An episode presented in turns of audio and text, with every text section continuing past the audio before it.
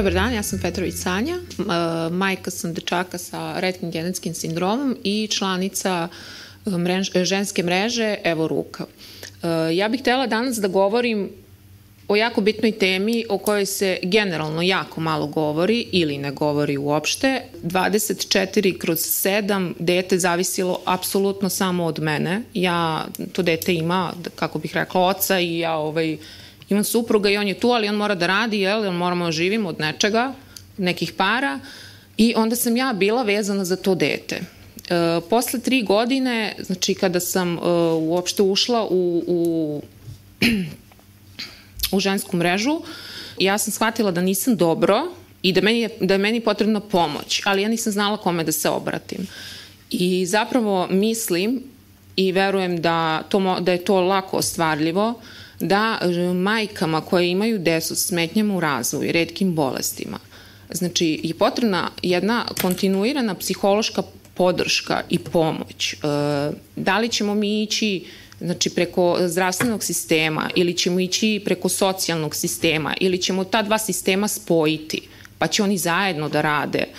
Dešava se, na primer, u porodilištima da se žena porodi i rodi dete sa vidljivim fizičkim invaliditetom. Da li je to, da kažem, sindrom uh, ili je to neki fizički nedostatak. Uh, dakle, sam pristup doktora kako oni saopštavaju majci da je rodila dete sa nekim uh, fizičkim karakteristikama koje, ne znam, sad pripadaju nekom, recimo, sindromu, nekom oboljenju, je stravičan. I mislim da tog trenutka, kao prvo trebamo promeniti pristup lekara, odnosno oni trebaju promeniti pristup saopštavanja tako dijagnoze ovaj, deteta, a ono što je takođe potrebno je da tu majka dobije istog trenutka psihološku podršku. Znači, istog trenutka. Da se ne izlazi sa tim kako je vaše dete biljka i kako neće preživati od drugog meseca. E, dakle, treba e, majci pomoći da shvati i prihvati. Meni je trebalo, kao recimo sad što dete ima faze razvoja, tako i majke koje dobijaju, e, da kažem, konačne dijagnoze deteta, one takođe imaju fazu uh, sazrevanja i e, fazu prihvatanja. Znači, prolazimo i kroz ljutnju, i kroz bes, i kroz, e, ne, da kažem, neprihvatanje, i kroz suze, i, i kroz odbijanje, i znači jednostavno isključujemo se iz svega. Tu je potreban sistem koji će nas prepoznati od samog starta i reći, ok, e, ponuditi zapravo, na nama je da biramo da li mi želimo tu psihološku podršku ili ne. Nijedna majka ne treba da dođe u situaciju da, ne daj Bože, digne ruku na sebe ili da u trenucima kada više ne može, e, kako bih rekla, to e, kako, koliko je fizički iscrpljujući sedeti pored bolesnog deteta, vežbati sa njim, hraniti ga, pojiti ga, davati mu lekove, reanimirati ga kada dođe do toga, voditi ga u bolnice. Toliko je podjednako teško i mentalno sedeti i živeti godinama bez ikakve pomoći. Znači, bez toga da, da neko dođe i zameni vas. Bez obzira koliko vi porodicu imali ili nemali. Lično se meni dogodilo da ja u jednom trenutku e, nisam videla izlaz i da sam ja pomislila da je moj izlaz, e, kako bih rekla, iz moje životne situacije to što ću ja dići ruku na sebe Sreće, pa sam bila dovoljno pribrana da sam pozvala supruga, suprug je došao odmah s posla kući i ja sam odmah sledećeg e, dana otišla da tražim pomoć. Otišla sam privatno, dakle dala sam novac iz naše kućnog, znači porodičnog budžeta i otišla privatno i rekla ja nisam dobro. A da do toga ne bi dolazilo, smatram da mi od početka, znači trebamo da budemo praćene i treba da u svakom trenutku, dakle imamo tu podršku jer je ona izuzetno bitna. Ona je, kako bih rekla, kao što vam je bitno da proveravate krvnu sliku na šest meseci ili godinu dana, da bi znali da li vam fali gvožđe ili vam fale trombocit ili bilo šta, tako je bitno takođe da e, mi radimo znači, na podizanju svesti o tome koliko je majkama dece sa smetnjama u razvoju i redkim bolestima potrebna psihološka pomoć i potrebno je da neko stalno brine o nama, jer mi u nekom trenutku više ne možemo same. Koliko god da smo jake i stamene, mi ne možemo same. Vi praktično imate deo usluga koja se finansira sa centralnog nivoa i ona se finansira i to je sasvim u redu, ali imate jedan čitav deo usluga koji je praktično vezan za lokalni nivo, odnosno za lokalne samouprave i njihove budžete, gde onda vi e, puno toga, odnosno prvo, ajde da tako kažem, same e, lokalne samouprave nisu sigurne kako da prepoznaju tu potrebu stanovništva za kojim uslugama lokalne zaštite. To je prva stvar.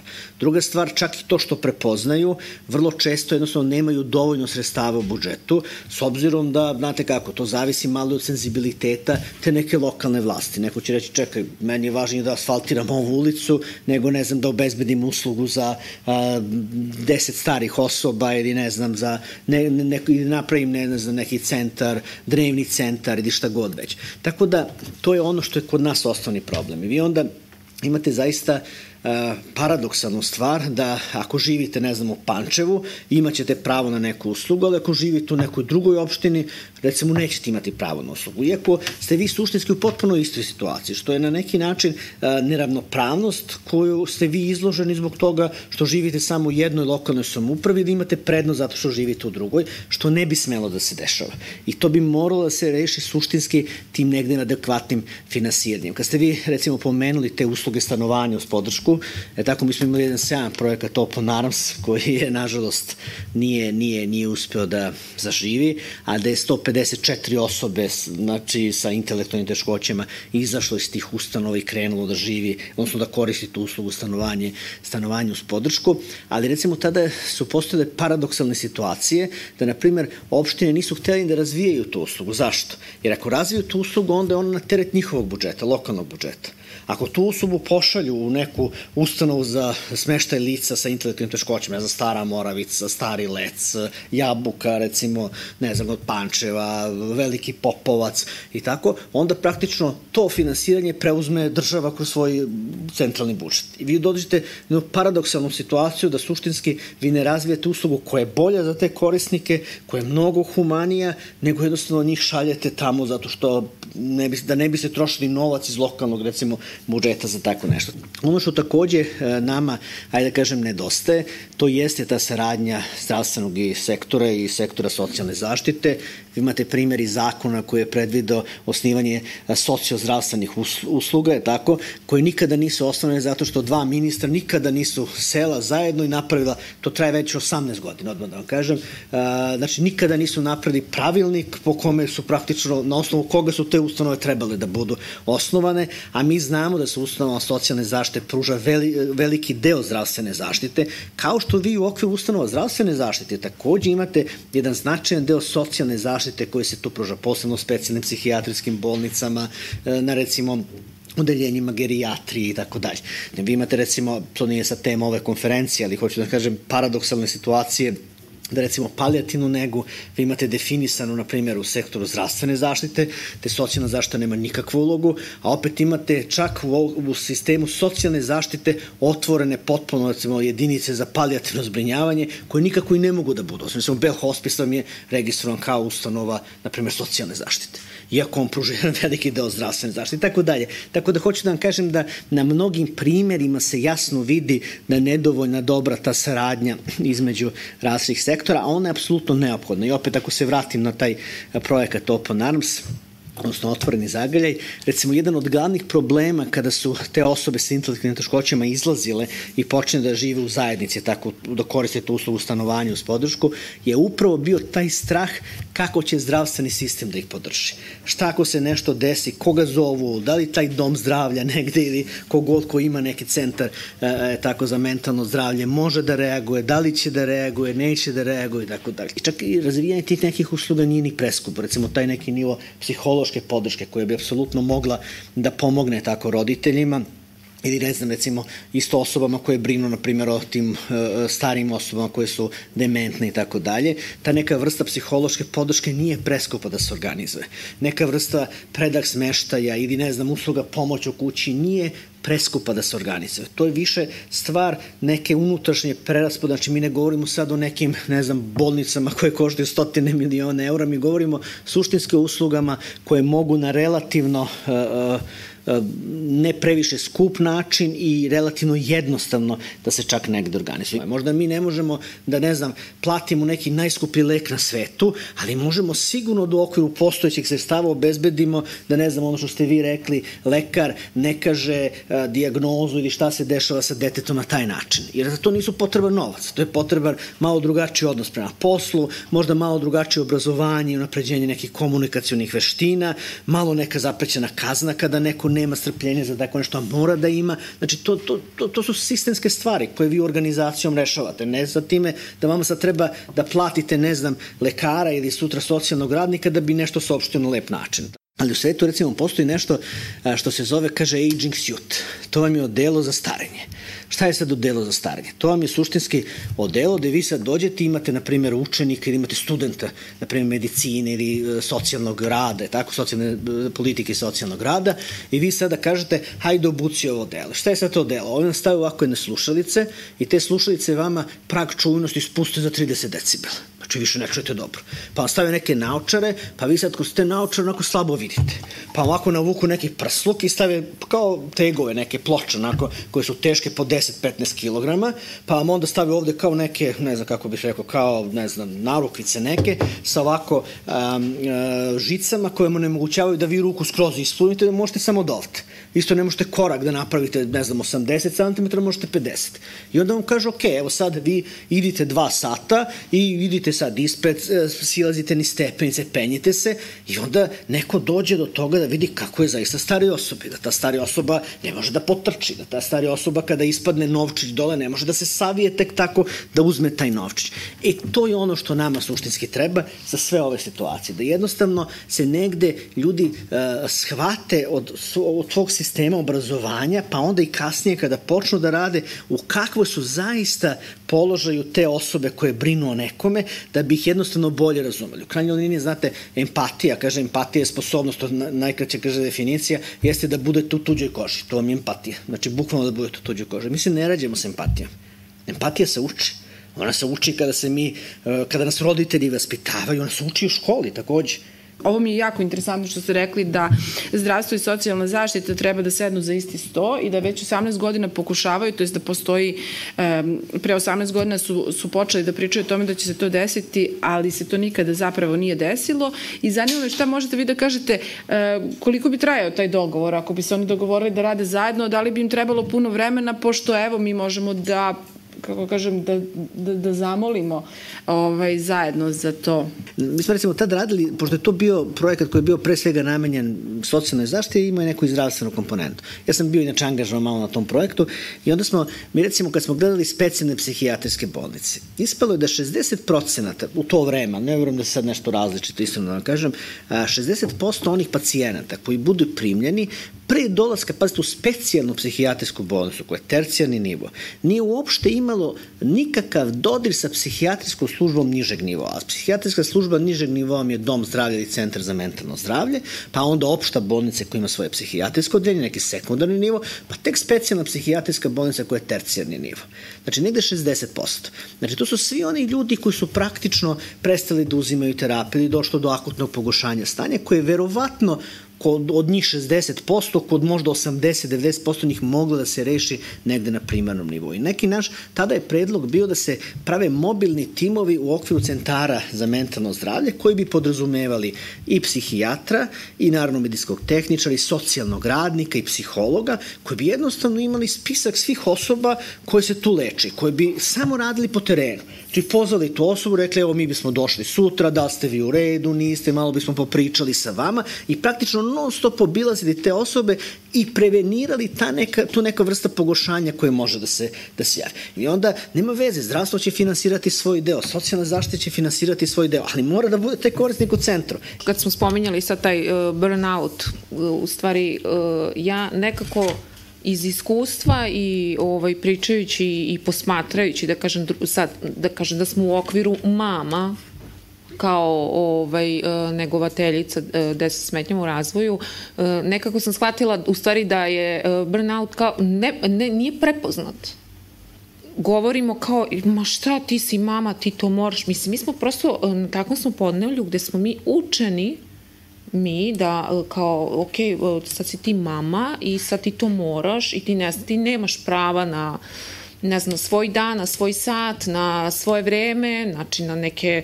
neka svoje zadovoljstva, nego ti uh, imaš prava samo da brineš o tom detetu, da kuvaš ručkove, eventualno da budeš zaposlena i da donosiš pare u kuću i kao to su jedino prava koje ti možeš kao da ostvariš. Mislim, a kada si majka deteta sa smetnjama u razvoju, bilo kojim zdravstvenim problemom, uh, onda se, znači, tvoja obaveza ja ne znam, duplira Vi ste potpuno pravo. Suštinski nama zaista i treba jedna kampanja da bi opšta javnost shvatila u kakvoj situaciji su majke koje brinu e, o deci sa invaliditetom, sa nekom vrstom invaliditeta. Jednostavno, trebalo bi da postoji jedna kampanja koja bi jednostavno objasnila ljudima zašto je to bitno.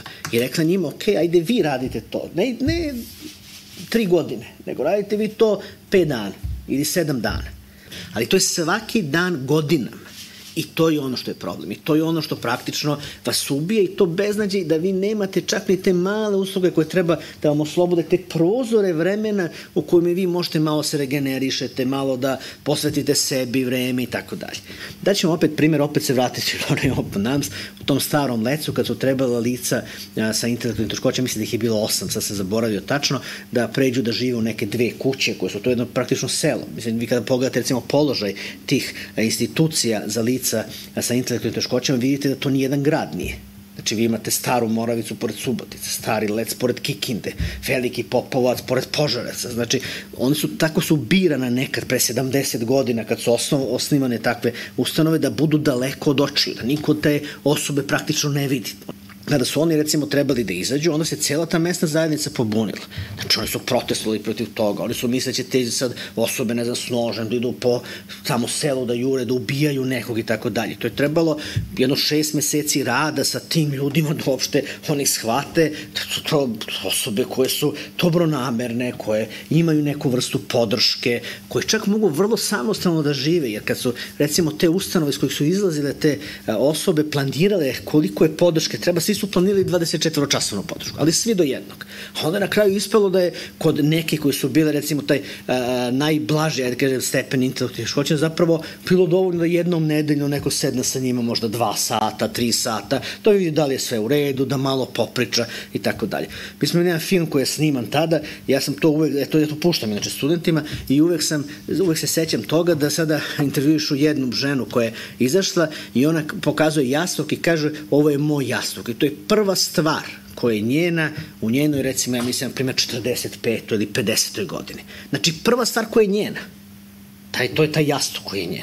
Konkretno o ovom oboljenju koji ima moj sin, e, da bismo se lakše uvezali i shvatili zašto je u tom slučaju potreban roditelj negovati, što se naravno ne odnosi samo na ovu diagnozu, nego na sve, ali kod nekih se to ne može videti, a kod nas se vidi pa je zato dobar možda primer ovaj, da bi se bolje razumelo. Znači, to je redko i teško gensko oboljenje kože i sluzokože i samim tim obuhvata mnoge organe. Ljudi često greše, misle da je u pitanju samo koža, nažalost nije i ovaj, dolazi vrlo rano i do invalidnosti, i do anemije, i do raznih deformiteta i problema sa raznim organima, ali eto, to je na prvi pogled ono što se najviše vidi je koža.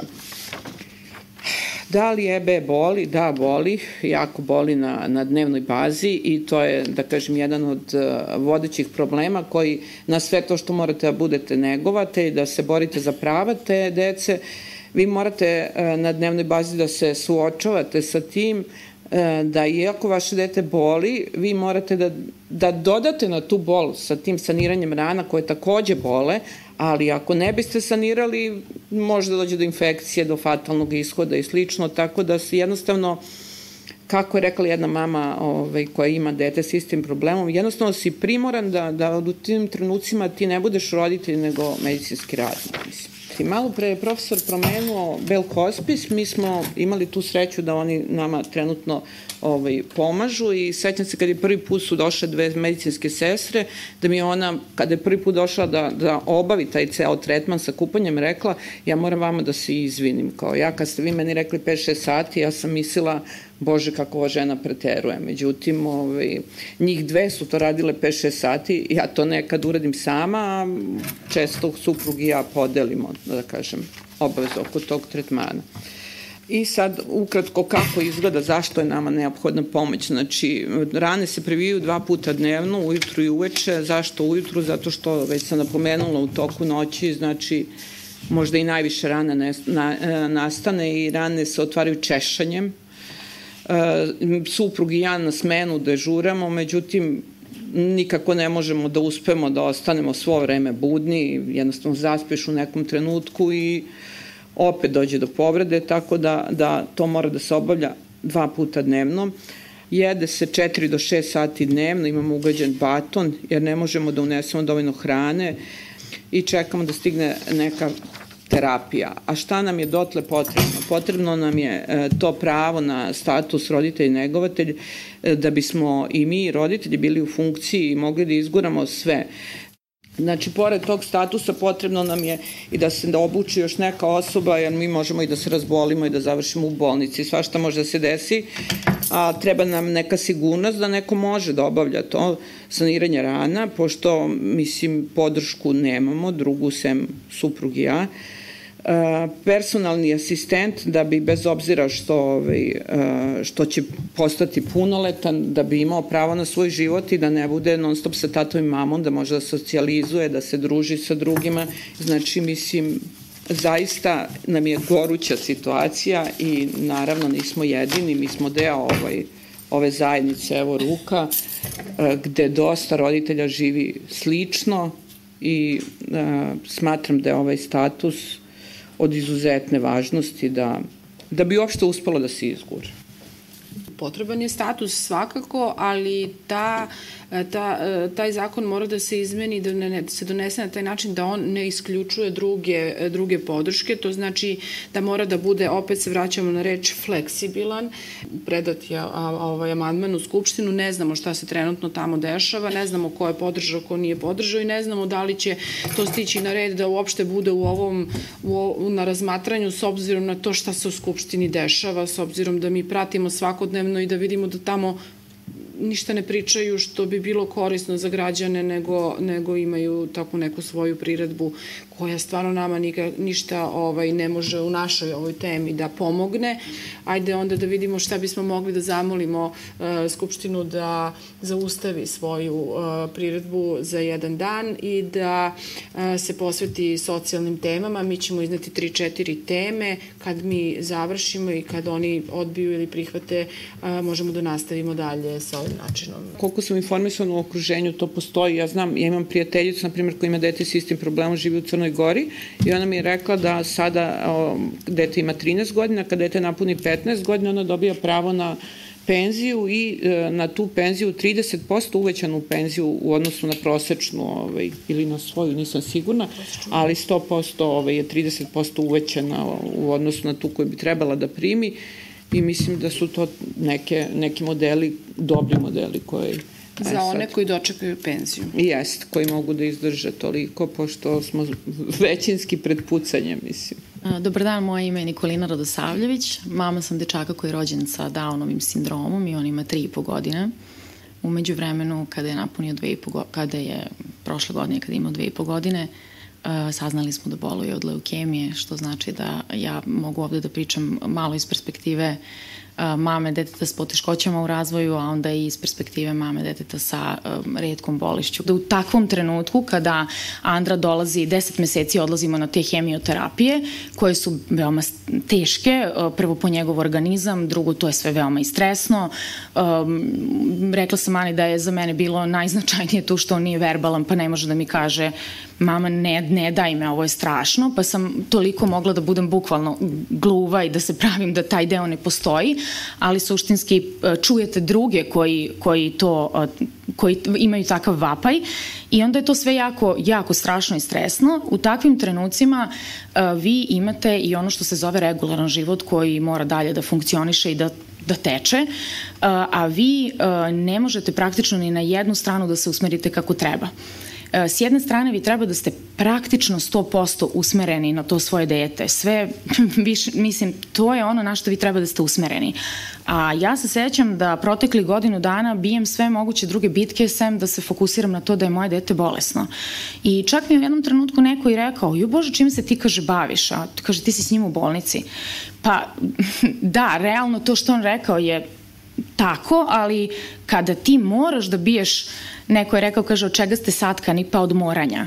Prvo, ne smemo da se oslonimo na porodicu kao primarnu podršku, zato što a, Znači, prvo, ajmo da krenemo od toga da niko nije ništa dužan, jel? Kao, sistem je dužan jer sistem treba da brine o, o društvu, jer smo mi deo tog društva i sistema i deo te neke države i, i država i sistem su dužni. Ali, porodica može da je najbolja na svetu, da vas najviše voli na ovom svetu, da ste divno povezani, možete da ste finanskijski fenomenalno da stojite, ali to imamo sa jedne strane, znači imamo srećnike sa jedne strane i imamo one druge koji recimo imaju sve suprotno od toga. Imate i neku mešovitu grupu koja možda je finansijski dobro, ali i porodični odnosi nisu dobri. Znači mi ne možemo da se oslonimo na porodicu kao primarnu, uh, kao primarnu pomoć uh, i ja ne mogu da se držim toga da je to jedina moja sigurnost. Zato što mi se i proteklih deset meseci dešavalo da da, sutra mislim da mogu da se oslonim na primer na baku i deku, ali se nešto sutra njima de dogodilo i sa kim sam ja ostala sama sa sobom. Znači i sa suprugom za koga uvek navodimo, kao što i Sanja rekla, to je čovek koji mora da odlazi na posao, radi, zarađuje. Ja sam na bolovanju do pete godine života i opet sad dolazimo i do toga da ni tu nemate sigurnost, jer ja već sada 13 meseci ranije se povremeno ovaj, umesto da se jel kao odmorim i kad mogu, zapravo mi samo klikne aha, ja treba da se vratim za 13 meseci na posao šta ću, kako ću radim u firmi koja ne poznaje smenu od 7 do 3 ni u jednom mogućem sektoru za, za koji sam ja školovana, znači koje su moje opcije, a najčešće, verovatno ono što ću dobiti kao odgovor, što se najčešće i do, ovaj, dobije kao odgovor, uopšte nevažno u kom ste statusu, ali kada nešto tražite specifično, jeste, vi ne morate ovde da radite. Znači, mi na sve strane imamo gomile distrakcija. Mi sedimo ovde u neko, ne znam kako smo pronašli slobodno vreme, sedimo ovde tri sata, svaka od nas razmišlja, aha, gde je dete, šta se dešava, Snežana misli, jao Bože, šta se desilo noćes, da li će, ne znam, bilo ko ovde ko sedi, i mi, znači, dajemo sve od sebe da pronađemo sistem koji samo nekome treba da predočimo i predložimo i da taj neko uh, shvati da čak ne treba ni da ga uzme u razmatranje, nego da shvati da je pomoć pomoć je ono što ja kažem da meni treba, a ne što, ono neko, što je neko smislio da meni treba. Pritom, nažalost, nije smislio da mi ništa treba, to je još i ovaj, grđe od svega. Pa da, da ne moram da trčim iz bolnice u tri popodne ili četiri, pritom ne znam kada ću izaći, jer svaki put kada odem u bolnicu, mi se prethodno predoči da baš taj dan ću možda morati da ostanem, jer nikad ne znamo šta baš taj dan, to je neka kontrola na koju ja idem, ali mi ne znamo šta će iza te kontrole da se izrodi. Uh, I uh, onda imate neke magične spiskove koje popunjavate dan ranije i pakujete kofere i perete ja se sećam na, on pe, perete sav mogući veš, ne znate da li ga perete iz stresa ili ga perete ovaj, da bi ste pripremili porodicu jer vi ne znate da li ćete u toj bolnici stvarno ostati sutra preko sutra uh, i slažete ovaj, namirnice po frižideru i tako dalje, ali ne može se svoditi moj život na idemo dalje, guramo i da, ja, da mi to kao porodica nosimo sami, a da ne postoji neko ko će nam dozvoliti sistemom koji nam pruža da prikočimo i da mi možemo da ostanemo zdravi pa pravi kao bračni par, kao roditelji drugom detetu, to je nešto što mora da se sačuva, sistem to mora da sačuva naše majke e, i naše svekrve i ostali koji, od koji, i sestre od kojih se očekuje da bi možda trebali da nam pomognu e, ako su tu negde blizu nas, one su u momentu kada mi dobijemo to dete sa smetnjama u razvoju i dalje radno angažovane i rade i ne može se od njih očekivati da ostave svoje poslove, što se isto dešava u nekim porodicama, da bi, se, da bi nama pomagali. Znači to e, u tom slučaju za majke koje borave sa decom u bolnici potrebno je poseban je potreban servis koji bi bio poslepodnevni servis koji bi majku sačekao sa gotovim ručkom, sa pre, preuzeo drugo dete iz vrtića, e, sa njim malo nešto radi domaće zadatke. Taj, e, verujte, moment dolaska kući nekad mnogo teži, zato što smo mi u toj stanju, u bolnici smo u stanju napetosti i, i tu, ne, tu ne postoji opcija i alternativa. Naše bolnice nisu baš mnogo humane da neko baš pomaže oko dece, nego su majke zapravo tu sa decom da budu, da ih neguju u, u bolnici, jer na, i to je posebna tema, nedostatak medicinskih sestara u pedijatriji e, i na odelenjima. Verujem da smo svi tome, da smo svi ovde koji smo boravili u bolnicama. Ovaj, ne samo nedostatka, nego i to kako se ponašaju. Da, da, ali, ali ovo je tema da ih nema dovoljno, pa su onda frustrirane iz razloga zato što ih nema dovoljno. Ovaj, ono o čemu smo, ali to ćemo drugom prilikom. E, meni se dva puta desilo da sam zaboravila ovo drugo dete u vrtiću, jer sam mislila da će moj tata da se seti, a on se setio, on je samo jednom bio po njega, a onda nisam mu ja javila, mislim, zato što oni ne razumeju da nama treba pomoć svaki dan. A ja sam bila na terapijama sa ovim drugim detetom i nisam stigla i onda sam ukapirala da je šest sati, niko nije uzao dete, samo je moje ostalo. To je se jednom desilo, ali svi paptimo, čak i dete. E sad šta, je za, šta bi za nas bila sigurnost? Za nas bi bila sigurnost da kada idemo na terapije sa decom, uvek i znamo svako, svaki dan da neko ima da preuzme to naše dete u tri ili u pet. Nije važno sad da li će da ostane ceo dan, ali da ja znam da tome ne moram da razmišljam. I da ne moram da razmišljam da li njega čeka, ne znam, pitica i, i supica kada dođe, kada dođe i da se on tu osjeća, da on ne oseti taj teret u stvari mog specializovanog roditeljstva koje je upravo to. To je usluga, to je potpuna usluga koja bi u nekoj uskoj niši bi se to zvalo usluga pomoći u kuću za majke koje idu, imaju decu sa hroničnim bolestima ili invaliditetom kada idu u bolnicu bolnicu.